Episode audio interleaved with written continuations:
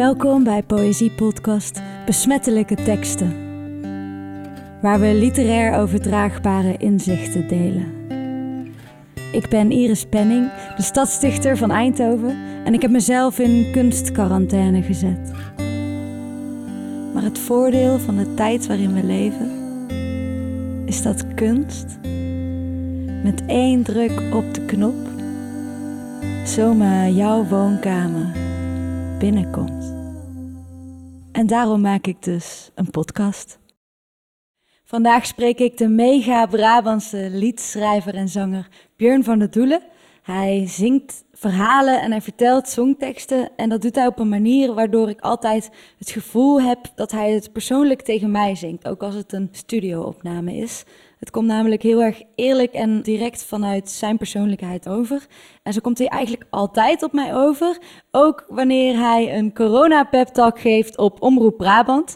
En daar heb ik een klein fragmentje van. Tegen al die mensen die financieel en of fysiek hard getroffen worden door deze coronatoestand of een dierbare hebben verloren, zou ik willen zeggen. Zet hem op, onze gedachten zijn bij jullie. Iedere ochtend branden we een kaarsje en leven we oprecht mee.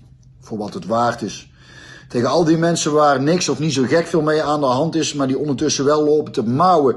Wat voor een ongelooflijk zware tijd het allemaal wel niet is en doen of de derde wereldoorlog is uitgebroken, zou ik willen zeggen.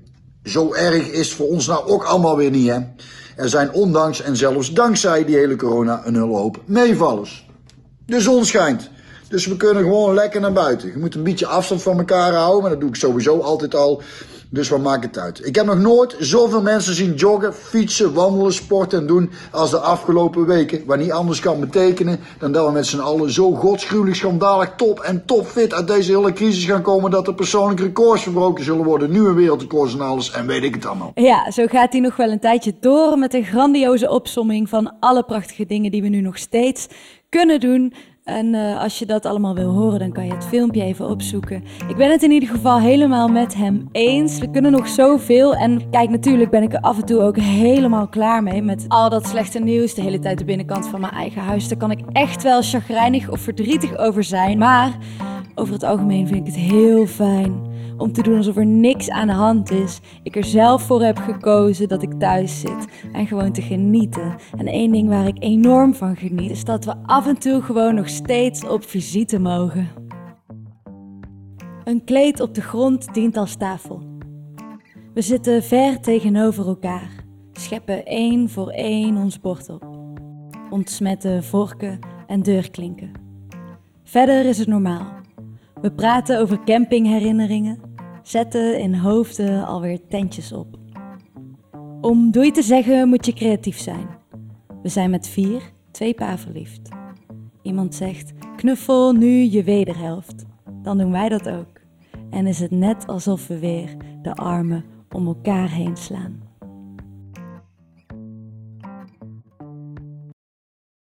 Ik heb nu contact met Björn van der Doelen. Hey Björn. Hoi, hoi Iris. Hey, uh, jij hebt een uh, fantastische corona pep talk gegeven. Dankjewel. Ja, en er zijn natuurlijk wat uitzonderingen, maar we hebben het over het algemeen uh, gruwelijk goed hier in Nederland, toch? Jazeker, jazeker. Dat is ook waar ik het verhaaltje mee begin met de, de groep mensen die er die dus hard door geraakt worden door de corona, fysiek of uh, financieel. Dat is natuurlijk heel heftig voor. Ja. Maar ik heb ook het, de indruk dat er best wel wat mensen zijn die nogal dramatisch lopen te doen terwijl er niet zoveel aan de hand is. En uh, dan denk ik, ja, we, kijk vooral naar wat we nog steeds allemaal kunnen en mogen en, en uh, hebben. Dan is er weinig reden tot treurnis, denk ik. Ja, inderdaad. Ik mis de kroeg wel, maar ik kan wel even leven zonder kroeg. Ja, nou ja, uh, de, ik ook. Maar uh, je kunt gelukkig toch al thuis in de fles opentrekken. Hè? Dus we komen toch wel aan onze wekelijkse hoeveelheid alcohol. Tenminste, ik. Ja, ja, ja. Jij bent vast niet de enige die daar wel aan toe komt nu. Dat denk ik ook niet. Dat denk ik ook niet. Hey, en wat is voor jou de grootste verandering die er nu is door corona? Wat nu echt veranderd is, is dat ik uh, niet speel. Ja. Dat scheelt financieel natuurlijk. Maar ik heb gelukkig nog steeds mijn voetbalpensioen waar ik uh, van leef. En alles wat ik met, met, met mijn muziek en met wat acteerdingen en andere klusjes doe, uh, is allemaal een soort extra. En dat is, dat is te gek. En ik heb vorig jaar heb ik voor het Zuidelijk Toneel gespeeld. En, en met, het, met de band veel gespeeld. En zelf veel gespeeld. En voor Bavaria nog wat gedaan. Dus ik heb vorig jaar een heel goed jaar gehad. Dus eigenlijk verandert er voor mij heel weinig. Behalve dan dat ik niet zoveel speel. En heel eerlijk gezegd, ik vind spelen te gek. Maar kan ik ook heel erg genieten van het niet spelen. In die zin dat, dat je, en misschien herken je het Iris, dat mm je bent toch altijd je eigen liedjes weer aan het spelen. Je eigen verhaaltje aan het vertellen. En als je van die weekend hebt dat je gewoon uh, twee, drie keer hebt gespeeld dan heb ik daarna wel eens dat ik denk dat, hè, dat ik mijn eigen gelul gewoon beu ben. en ja, als het dan toch zo is, dan maak ik ook maar een soort vakantie van. En uh, doe ik ook zo min mogelijk. Daar kan ik ook best goed heel weinig doen. dat kan ook niet iedereen. Maar, uh, en, en het voordeel is tenminste, mijn meisje die uh, heeft veel gewerkt, die is nu ook heel veel thuis. En dat verandert dus in positieve zin heel veel. Mm -hmm. En onze kindjes zijn, hoeven niet naar school. Dat vind ik ook heerlijk. Want ze doen daar gewoon hartstikke goed. Ze gaan boven netjes de, de, de werkjes maken. En de oudste zit op de middelbare school. Die volgt zijn lessen zo via de computer. Maar uh, dan komen ze smiddags even naar beneden voor een boterham. Dus dat vind ik allemaal hartstikke gezellig. Dus ja. eerlijk gezegd, ja, zie ik vooral de positieve dingen ervan. Straks gaan de deuren, die, die gaan vroeg of laat echt wel weer een keer open. en dan komen we wel weer aan het spelen toe. En dan ga ik er ook weer achter komen hoe erg ik het spelen heb gemist. Want muziek maken blijft natuurlijk het leukste wat er is. Maar voor nu uh, denk ik, dan gaan we maar wat meer de bossen in om te wandelen. En, en we hebben dan een spelletjescompetitie opgezet thuis en zo. Dus dat is allemaal... Uh, ja, vind ik allemaal wel leuk. Ja. en het raar is, zul je misschien ook hebben, dat de dagen nog steeds voorbij vliegen. Ons moeder heeft het ook, als ik, die bel ik nog iedere avond. Die zegt ook, ja, we hebben nou eigenlijk gedaan. We nemen altijd een beetje de dag door. Denk, eigenlijk, niet zoveel. Maar het is godverdomme alweer avond. We gaan toch hard. Uh, dat is een goed teken, denk ik. Uh, dan hebben we het in ieder geval naar ons zin. Het heeft allemaal ook veel, uh, veel mooie kanten. Vind ik. En wat ik aan jou hoor, volgens mij jij ook wel. Ja, zeker. Ik ook wel. Goed zo. En fijn dat je niet meer zoveel naar je eigen gelul hoeft te luisteren. En wel naar dat van jouw kinderen. Ja. Vast heel fijn. Maar uh, laten we toch even gaan luisteren naar jouw zogenaamde gelul. Mijn favoriet. Caballero zonder filter.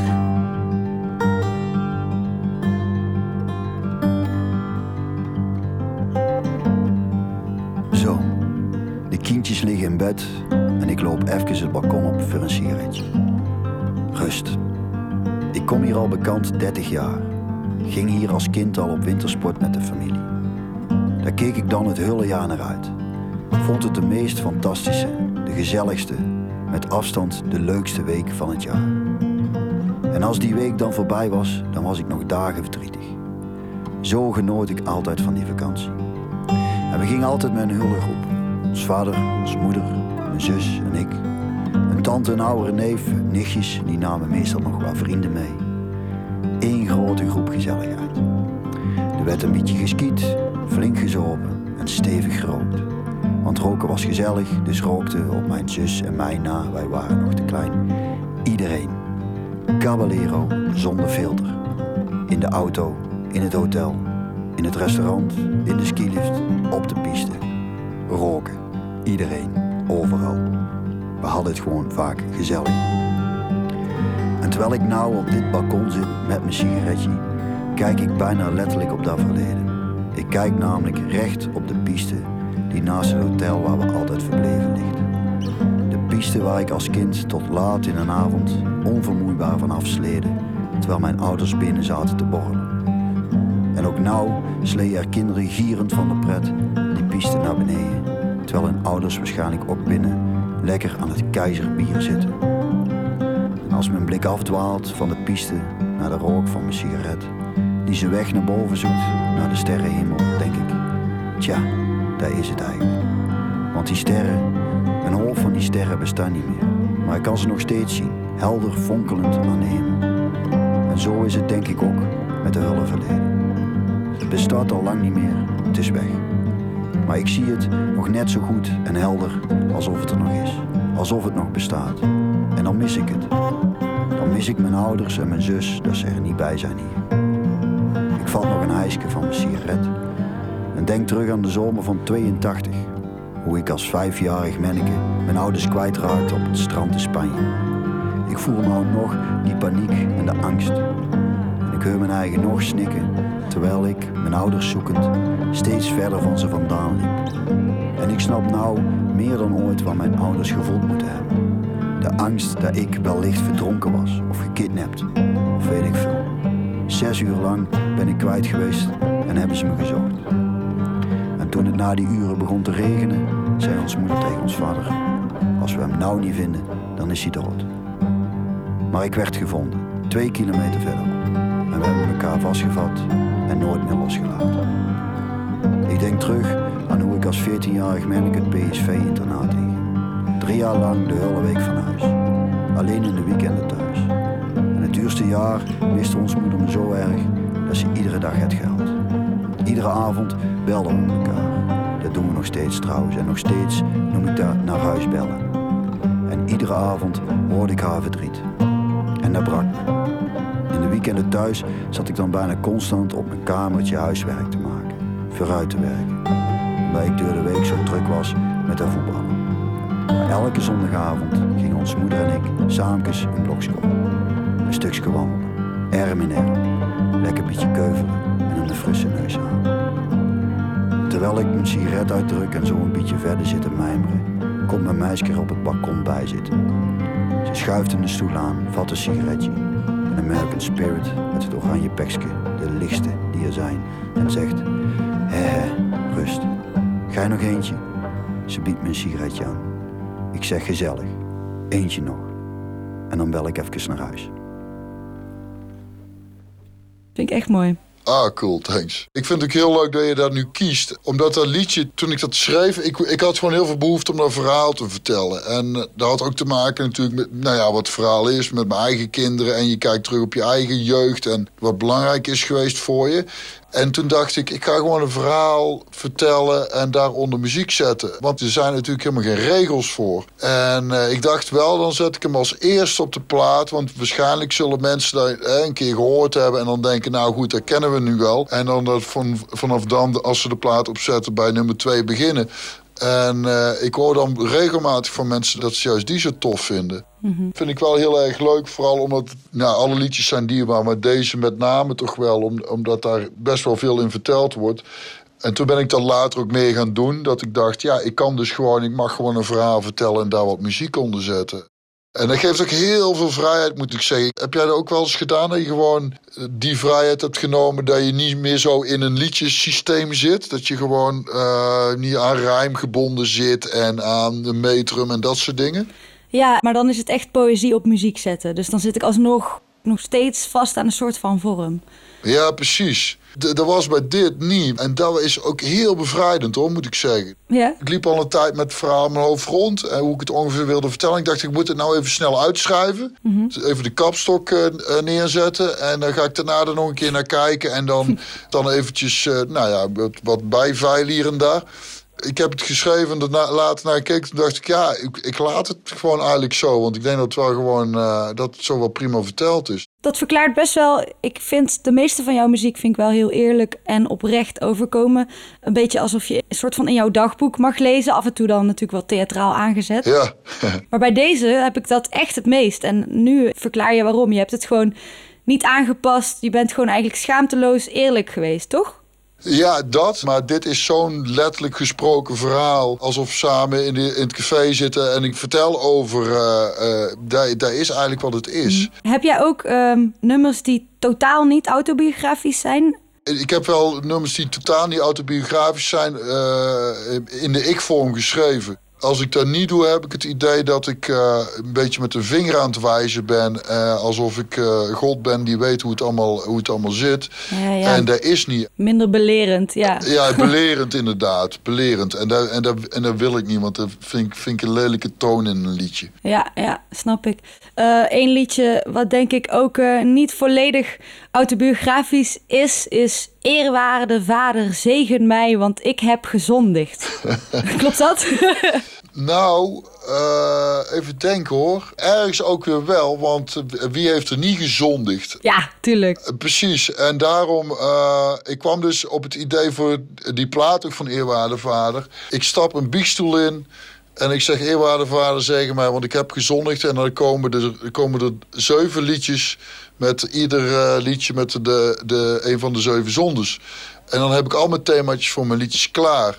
Uh, dus ergens is dat liedje Eerwaarde Vader Zegen mij in die zin biografisch... omdat ik wel degelijk te biecht ga. Ja. Uh, en in de zeven zondes die daarna komen... zijn de liedjes uh, niet allemaal autobiografisch... of behoorlijk aangedikt, omdat dat ook gewoon dan... Uh, beter werkt uh, voor een liedje, vind ik. Ja. Dat is het leuke aan muziek maken. Want ik denk heel vaak, als ik een plaat heb gemaakt... nou, dit is de laatste en dan heb ik het allemaal wel verteld... en dan ga ik toch maar weer iets anders doen. en dan komt er toch een idee dat je denkt... ah, nou, dan gaan we er toch nog één maken... want het is toch wel heel erg leuk. En ik had er bij die eerwaarde vader... ik dacht, oh, wat fijn om een, om, een, om een thema te hebben... waar ik nou in één keer mijn liedjes aan kan gaan hangen.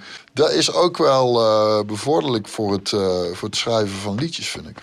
Ah, dat heb ik ook nog nooit gedaan hoor. Echt in een, in een uh, centraal thema werken en daaromheen allemaal liedjes schrijven. Ik heb meer dat ik gewoon liedjes schrijf en dan als ik een album maak zoek wat per ongeluk een centraal thema daarvan is. Ja, dat heb ik ook altijd gedaan. Ik zeg altijd ja en dan op een gegeven moment heb je periodes, daar heb ik altijd. Dan schrijf je een aantal liedjes en dan, en dan de hele tijd weer niks. En dan mm -hmm. op een gegeven moment denk je, nou ik heb wel weer genoeg, we kunnen een plaat gaan maken. En dan ga je inderdaad een beetje zoeken. Oké, okay, ja, kunnen we hier ergens een soort van lijn in vinden met, uh, met goed fatsoen?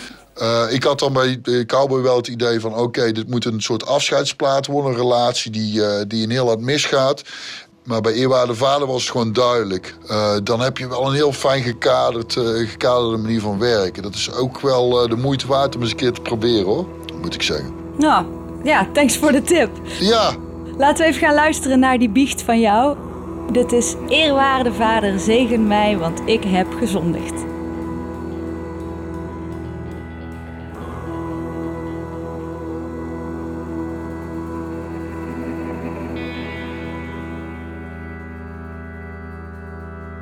Eerwaarde Vader, zegen mij, want ik heb gezondigd.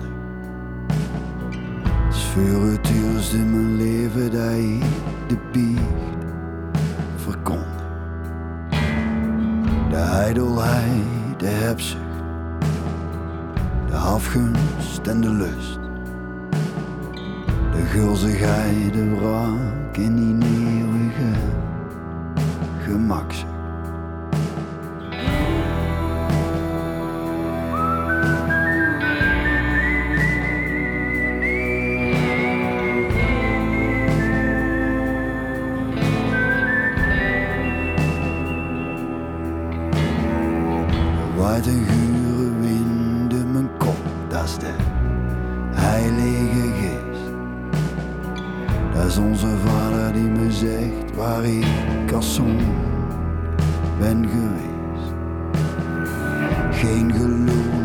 Tijd voor ware woorden. Het zwijgen als het graf, het is strijd voor goed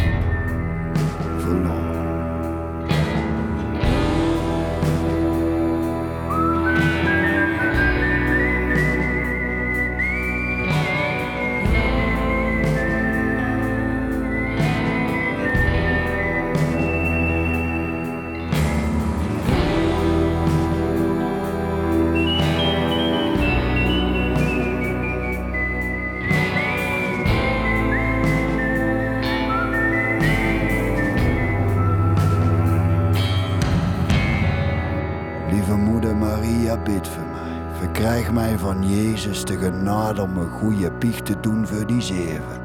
Want God weet, God weet, God weet, is het niet de laatste biecht van mijn leven.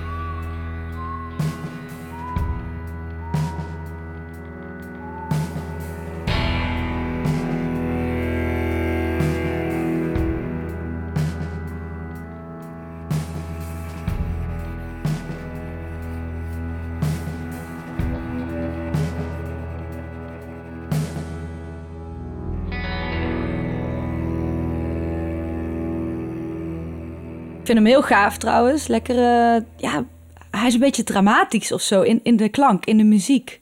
Maar ja, je zult het misschien ook met me eens zijn je soms een album maakt waarin je wat meer naar de sfeer op zoek gaat. En, teksten, en, de, en de teksten, daar ben ik trouwens ook nog steeds wel uh, nou ja, heel tevreden over. Daar ben ik ook echt wel voor gaan zitten. Te zien dat ik dacht, oké, okay, het sfeer is dus textueel doen we maar wat.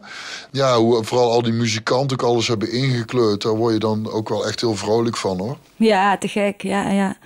Ja het, is, het is een beetje Nederlandstalige Americana, toch, wat jij maakt? Ja, daar wordt het vaak wel uh, bij recensie zo in ingedeeld. En uh, ik denk dat het ook wel klopt. Voor mij is het persoonlijk, ik hou namelijk heel erg van die muziekstijl, van die Amerikanen en country, weet je wel. Ik vind dat heel prettig. Mm. Ik kan er eigenlijk altijd wel naar luisteren. Ik vind het muzikaal fijn. Er is nooit, er is nooit te veel aan de hand. Het zit, het zit muzikaal ook niet heel complex in, in elkaar, waardoor je denkt, wat gebeurt er toch allemaal? Het verhaal staat centraal in, in die Amerikanen en in die country, vind ik. En die muzikanten spelen allemaal toch wel in dienst van het verhaal wat verteld wordt. En dat vind ik, al zijn ze met tien man op een podium. Iedereen speelt keurig netjes in dienst van, het, van, het, van dat liedje. En niemand te veel. En het is heel fijn. En dan komt er zo'n viooltje bij of een pedalsteel. Alsof er een briesje zo door, de, door dat liedje heen dartelt. Ik vind dat heel fijn.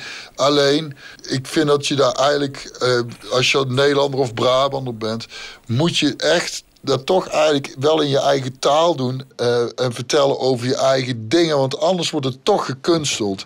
Uh, dan ben je toch mensen na aan doen, in mijn optiek, die daar veel beter kunnen eigenlijk. En de verhalen worden, winnen altijd aan kracht, vind ik, als het in je eigen taal. Want je taal is zo'n prachtig uh, mooi ding. Mm -hmm. Daar kun je zoveel mee. Dat hoef ik jou niet te vertellen. Het ligt, ligt echt wel nauw.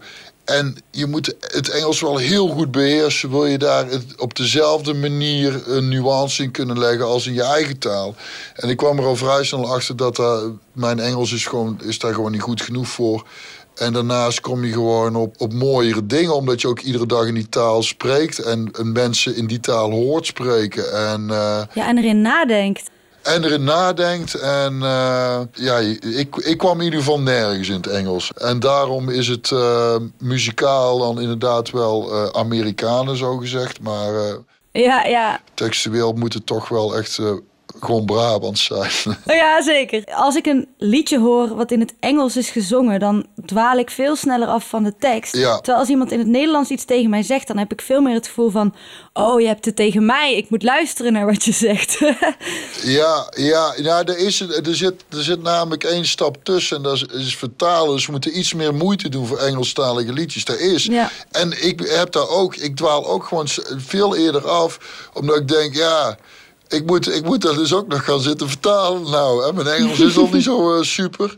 En uh, daar is het ook. Het is, het is de meest directe manier uh, van communiceren. En het is ook de meest eerlijke manier van communiceren. Omdat je echt met je billen bloot moet. En daarnaast is Nederlands natuurlijk ook een, een moeilijke taal qua, qua klank. Hè. Engels leent zich heel erg goed voor, voor liedteksten. En, en daar zijn we natuurlijk ook heel erg mee opgevoed met snel. Dus het klinkt wel logischer. Maar ehm, mijn, mijn zus heeft ooit verkering gehad met een, uh, een, Griekse jongen. En die zei altijd, als ze uh, I love you zou, zegt, moet, moet je in je eigen taal zeggen. Hmm. Want er is veel meer waard dan, uh, dan wanneer je het in, in een andere taal doet. En tenminste, of je moet tweetalig zijn opgevoed of iets dergelijks. Ja, ja. Maar over het algemeen creëert het toch een beetje afstand, denk ik. als je in een vreemde taal je uit via liedjes of uh, in de liefde of wat dan ook. Ja, ja daar zei je me wat over um, dat de Engelse taal zich toch wat makkelijker leent of, of wat normaler klinkt in onze oren om bezongen te worden. Ja. Ik denk eigenlijk ook echt dat er daadwerkelijk een verschil is in hoe een taal zich laat bezingen. Want het Engels heeft heel veel klanken die je heel lang kan uitrekken. Ja. Maar als je bijvoorbeeld het woord rek uit gaat rekken, ik rek, dat is gewoon heel raar en lelijk. Ja, klopt. Ja, ja, maar er is, want ik, ik, ik begin met mijn liedjes altijd met, met een idee op gitaar. En dan begin ik daar een beetje fonetisch Engels uh, overheen te, een zanglijntje op te verzinnen. Zoiets. Uh, je kunt inderdaad langere uh, klanken en tonen. Dat is vanuit het Engels veel fijner en makkelijker. Zingen lijkt ook wel. En als het dan in het Nederlands moet, dan denk je, poeh, dat is toch. En dan ga ik, stap ik toch altijd weer een beetje af als ik al zing, want meestal lul ik gewoon. van van hoe, het, hoe het in eerste instantie was. Omdat ja, die, die taal en als je ook heel veel Engelstalige liedjes neemt, dat is ook een hoop vaak van yeah, yeah. En, en gewoon wat mhm. klanken eigenlijk. En wij, als wij nou ja, ja gaan staan, ja, dan ja. Is, dat, ja, ja, dat is ook, is ook niet echt lekker. Nee. En daarom is Brabants ook wel weer prettig en kan ik er soms een beetje mee smokkelen. Dat ik uh, denk, het klinkt nu lekkerder mm. in het Brabants. En het klinkt nu gewoon fijner als ik het gewoon in het Nederlands uh, doe. En dat kan van moment tot moment verschillen. Wanneer ik hetzelfde woord in het Brabants of, of in het Nederlands doe. Uh, ene moment in de zin klinkt hij lekkerder uh, met de Brabantse klank. En in een andere moment in de zin lekkerder met de Nederlandse klank. Mm. Maar ja, het blijft natuurlijk inderdaad wel klank produceren ook. En daar leent, leent het Nederlandse taal zich gewoon niet zo heel goed voor, denk ik. Nou, ja, ik vind het zeg maar qua melodie uh, is het inderdaad lastig. Ik zit bijna altijd met mijn, met mijn adlibs en mijn interessante zanglijntjes op de A. Waarom? Dat is een heel makkelijk woord daarvoor. Ja, ja, ja, ja. Maar voor ritme, we hebben heel veel T'tjes, K'tjes, P'tjes, B'tjes. Allemaal dingen die je in uh, beatboxen gebruikt, zeg maar. Ja. Voor ritmische teksten vind ik de Nederlandse taal heel, heel fijn. Het is best wel hard en hakkelig. Ja, dat klopt. Dat klopt wat jij zegt. Maar dat heb ik nog nooit zo gedaan. En jij hebt er natuurlijk wel, eh, bent er natuurlijk wel mee bezig ook. En... Uh, maar daar is het ook inderdaad. Het is een vrij, uh, vrij harde taal. Het is Germaans, hè? Wat, ja. dus het, ik denk dat het Duits zich ook prima leent voor, uh, voor dat soort... Uh, hip-hop. Ja, voor, voor hip-hop. Duitse hip-hop. Ja, maak eens een hip-hop track. Ja, ja, ja, ja, precies. Al moet ik zeggen dat ik altijd, uh, dat mijn T's uh, aan het einde van een woord bijna nooit te horen zijn. Die, uh, ja, die hoor je niet. Die slik ik sowieso veel in, maar vooral in het begin, toen ik net begon, toen was ik bijna, sowieso bijna niet te verstaan. Ja, ja. Maar, want dat is ook met Brabants wel, hè. het is ook een beetje binnensmonds gemompel vaak. Ja. En, ik, en ik heb een hekel aan heel duidelijk articuleren, omdat ik dat ook gewoon niet mooi vind. Daardoor heb je wel de kans dat mensen je gewoon moeilijker verstaan. Maar dan denk ik, ja, moet je gewoon een cd kopen, staan een tekst in. En dan kun, meelezen. Kun je het gewoon teruglezen. Ja, ze hebben ooit gezegd dat het Eindhovens het uh, efficiëntste dialect is, omdat wij zo, zo min mogelijk klanken gebruiken. Zeg maar, uh, ja. ik weet niet, ik weet het niet, ik weet niet. Ja, dat is hartstikke efficiënt. ja, ja, we zijn met, ja dat, heb, dat heb ik nog nooit eerder gehoord, maar dat is wel. We zijn natuurlijk sowieso een heel erg goed volk, hè, de, de Brabanders. En, uh, maar dat is ook wel weer interessant dat, dat je ook zegt het Eindhovens. Want het Eindhovens is inderdaad ook weer, ik kom van oorsprong uit, uit Den Bosch of Hintam, dat mm -hmm. Wijk bij Den Bosch. En het bos is zo anders. En het is 20 minuten rijden. Maar dat is ook weer. Heeft een veel hardere R en een rollende R. En, te, en Eindhoven is redelijk zacht. En. Uh, uh, het klinkt gewoon vriendelijker ook weer eigenlijk. Uh, is ook apart, hè? Hoe, hoe dialecten dan weer. Verschillen. Ja, en dat mijn, mijn dialect ook veel mensen die zich daar enigszins mee bezig houden, kunnen het ook niet plaatsen. Van kom die gaan nou eigenlijk vandaan? En uh, dat komt omdat ik vrij jong van Den Bosch naar het internaat in de Gelderop ben gegaan. En dus al uh, vroeg met Eindhovense dialect in aanraking kwam. Dus het is echt een beetje een mengelmoes. Ik denk dat mensen die nou luisteren naar deze podcast... die bijvoorbeeld in de Randstad wonen, die geen Brabants spreken... echt denken van... Hè, dat is toch gewoon allemaal Brabants? Was het verschil? Maar... Ja, maar die denken die als die Brabants gaan proberen te praten, wordt meestal Limburgs. En dan schieten, schieten bij ons de haren weer overeind. Ja, ja, die, ja, vinden ja. Allemaal, die vinden dat allemaal op elkaar lijken. Ja. Maar, uh, nee, ja, maar dat klopt. Dat klopt. Dat is, uh, die vinden, voor hun is het allemaal één pot nat gewoon, ja. Inderdaad. Um, hey Björn, als mensen jouw muziek willen luisteren, waar kunnen ze dan het beste heen gaan? Uh, ja, ik sta op, op, Spotify, dus ze kunnen op Spotify luisteren. En, maar als ze fysiek iets willen hebben, een cd of LP of uh, weet ik veel, een petje of, uh, of een tas, dat heb ik ook allemaal. Dan kunnen ze best even naar de site gaan, naar bjornvandoelen.com. ja, daar, daar heb ik een winkeltje en dan kunnen kunnen gewoon bestellen. En, eh, Ja. Dus ik ben eh, makkelijk te vinden. Top. Ik wil eh, nog één liedje van jou draaien van de plaat De Cowboy, de Outlaw, de Sheriff en de Hoer. ja. Maar ik kon niet kiezen welk liedje, dus eh, wil jij de kiezen? Ja, ja, ja, ja. Eh, even denken. Nou, weet je wat dan? Doe maar rust. Want we hebben al een gesproken verhaal gehad. Eh, ook een redelijk, eh eerwaarde vader is ook een, eh, een redelijk gesproken ding. Ja, het is eigenlijk al met rust ook best wel. Maar, maar dan, maar dan, dan, dan, dan doe maar rust, want dat is ook wel een heel dierbaar liedje. Oké, tof. Gaan we doen. Oké. Ja, Björn, dankjewel dat jij eh, met mij wilde kletsen over taal en muziek en corona en weet ik het allemaal wat. Nee, geen dank. Ik vond het leuk om, eh, om je weer eens te spreken. En eh, hopelijk gaan gauw de deuren open. En dan kunnen we elkaar ook weer eens live aan het werk zien. ja, kunnen we weer naar elkaars muziek luisteren in het echt en een biertje drinken. Zo is het, want dat doen we het liefste.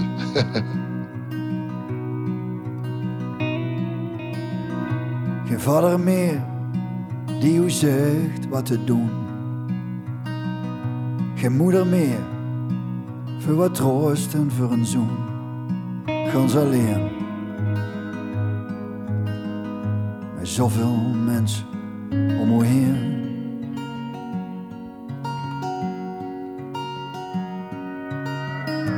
Dat is te vroeg voor een meske zoals gij. Nog zo jong en nou al zoveel kwijt. Dat is niet goed. Zo is het niet bedoeld.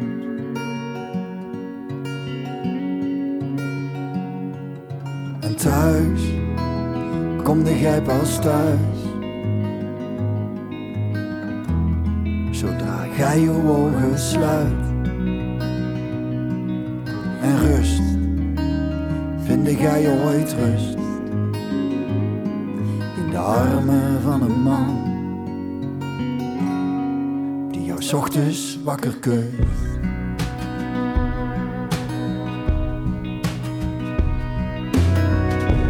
En ik vraag me af, als gij straks trouwen gaat, of als die nooie vaart in uw voortuin staat, ik weet al lang.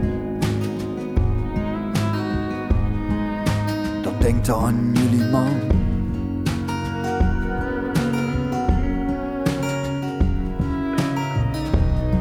Of er moet iets in huis geklust en je krijgt het zelf niet gedaan. Geen vader die dan belt en zegt: Hé hey Meske, ik kom eraan. Gans alleen. Met zoveel mensen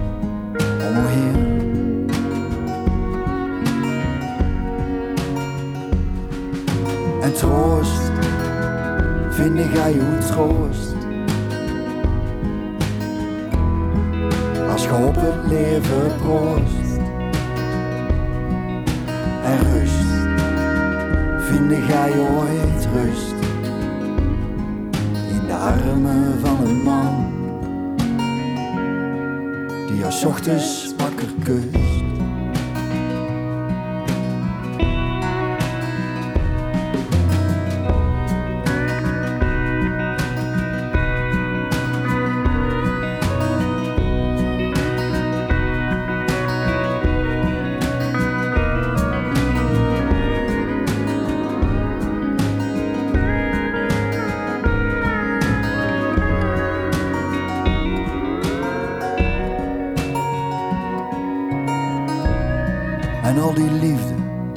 Al die mooie mensen om. Ja, het is goed bedoeld, maar alle grote dingen die doe jij alleen en dat vind ik knap. Want dat vergt kracht.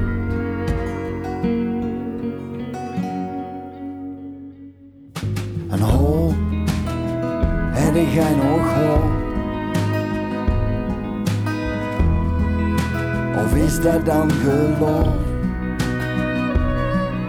Maar rust, ja, jij vindt ooit rust.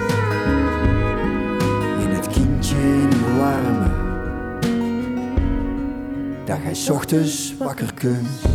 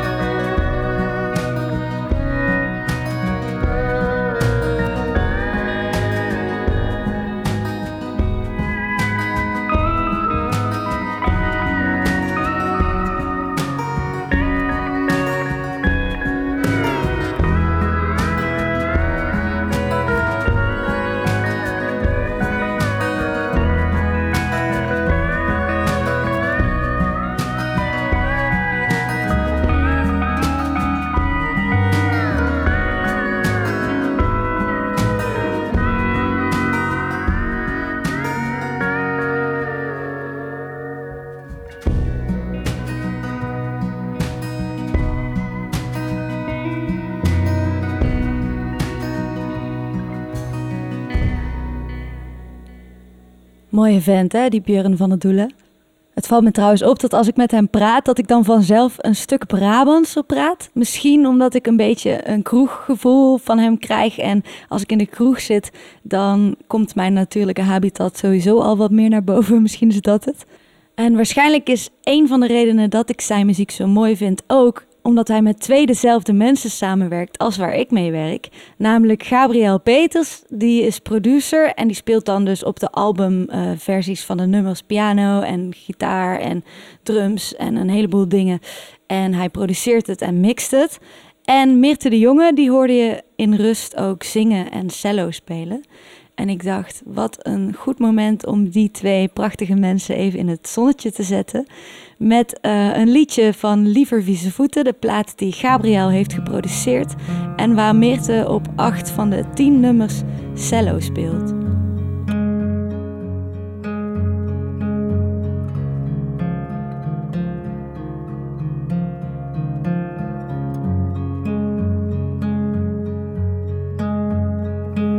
Zing op de fiets, zo hard als je kan.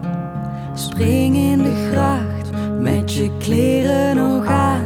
Maak een vuur in de winter en dans in de winkel. Rol van de heuvel af en val in het zand, want je kan beter jong blijven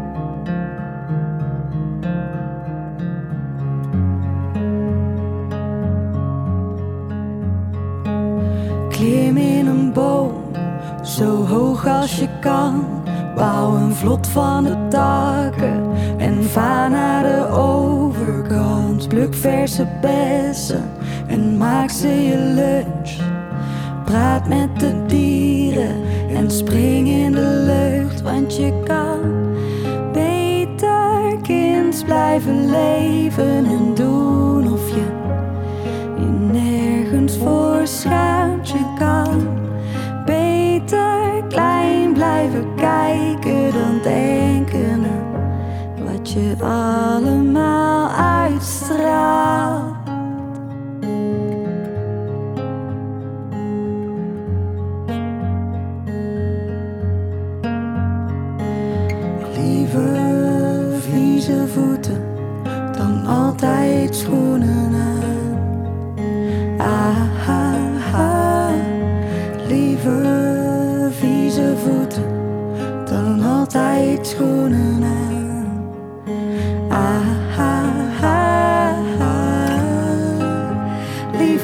Handen dan geen zandkasteel. Liever dikke wallen dan geen feest. Liever kwallen beter dan niet in de zee. Liever kans op vallen dan geen slee. Liever door de koude wereld in een sneeuwballengevecht. Liever splinters in mijn vingers van mijn zelfgebouwde plek. Liever stinken op de dansvloer